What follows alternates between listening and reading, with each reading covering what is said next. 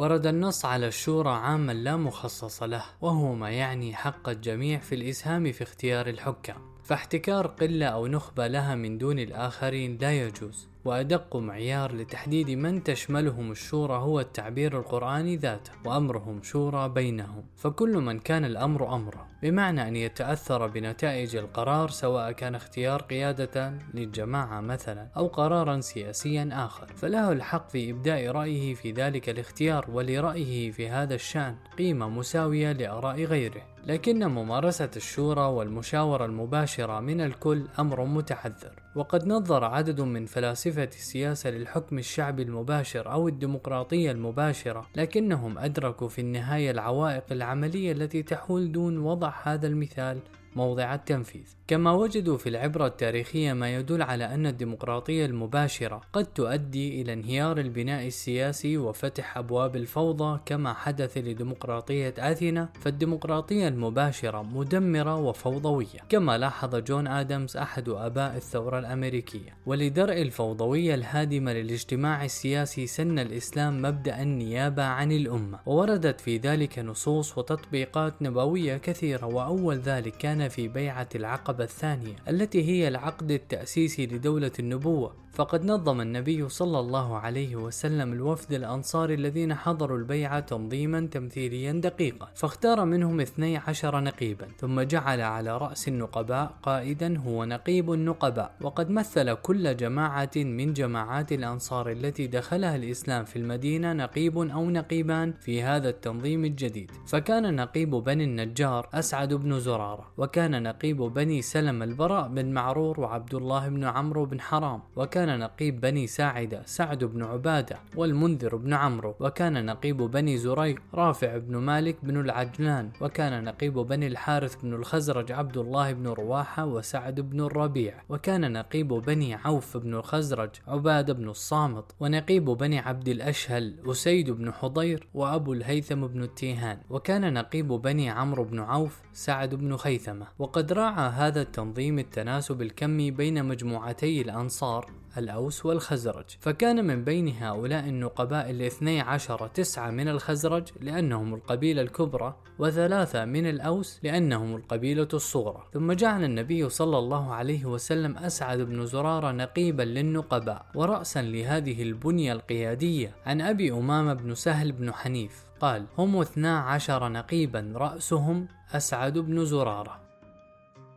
وقد رأينا في قصة بيعة العقبة كيف خطب أسعد بن زرارة في قومه مذكرا لهم بما يترتب على لجوء النبي صلى الله عليه وسلم إلى أرضهم فقال رويدا يا أهل يثرب إن لم نضرب إليه أكباد المطي إلا ونحن نعلم أنه رسول الله. إن إخراجه اليوم مفارقة العرب كافة وأن تعضكم السيوف فإما أنتم قوم تصبرون على السيوف إذا مستكم وعلى قتل خياركم وعلى مفارقة مفارقة العرب كافة فخذوه وأجركم على الله. وإما أنتم قوم تخافون من أنفسكم خيفة فذروه فهو أعذر عند الله. فلعل اختيار النبي صلى الله عليه وسلم لأسعد قائدا للمجموعة رغم أنه أصغرهم سنا مبني على صلابة التزامه بقضية الإسلام وإدراكه العميق ما يترتب على البيعة بالعقبة. وقد اطلع أسعد بقيادة الجماعة المسلمة الوليدة بالمدينة قبل الهجرة النبوية حتى إن النبي صلى الله عليه وسلم لما قدم المدينة وأراد بناء مسجد فيها وجد الأرض ممهدة لذلك بوجود مصلى.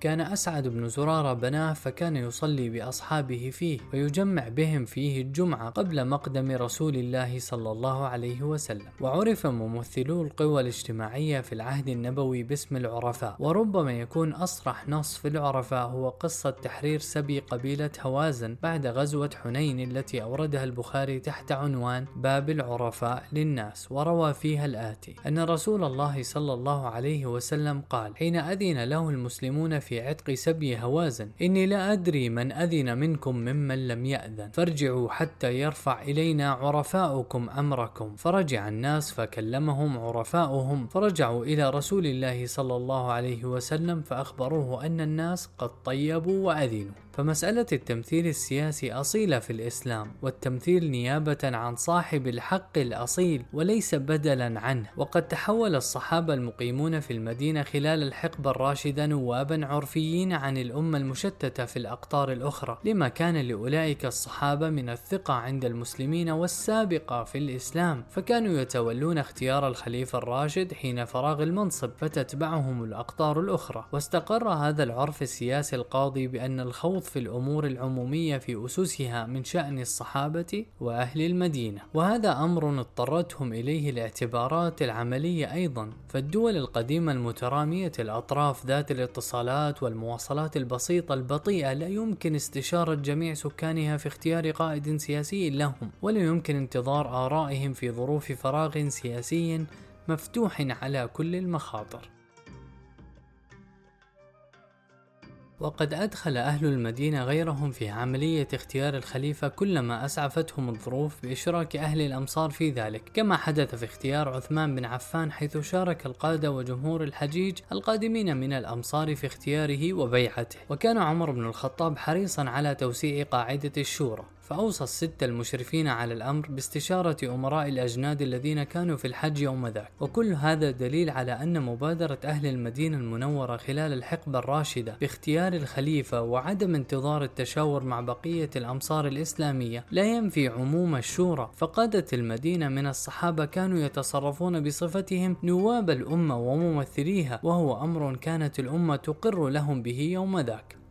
وقد أدرك الماوردي أن استئثار أهل المدينة المنورة باختيار الخليفة خلال فترة الخلافة الراشدة كان أمرا عرفيا عمليا ولم يكن تشريعا نصيا إذ النص صريح بعموم الشورى. ومثل ذلك استئثار أهل عاصمة الخلافة فيما بعد باختيار الخليفة بحكم وجود النخبة السياسية فيها. قال الماوردي وليس لمن كان في بلد الإمام على غيره من أهل البلاد فضل مزية تقدم بها عليه وإنما صار من يحضر ببلد الإمام متوليا لعقد الإمامة عرفا لا شرعا لسبوق علمهم بموته لأن من يصلح للخلافة في الأغلب موجودون في بلده.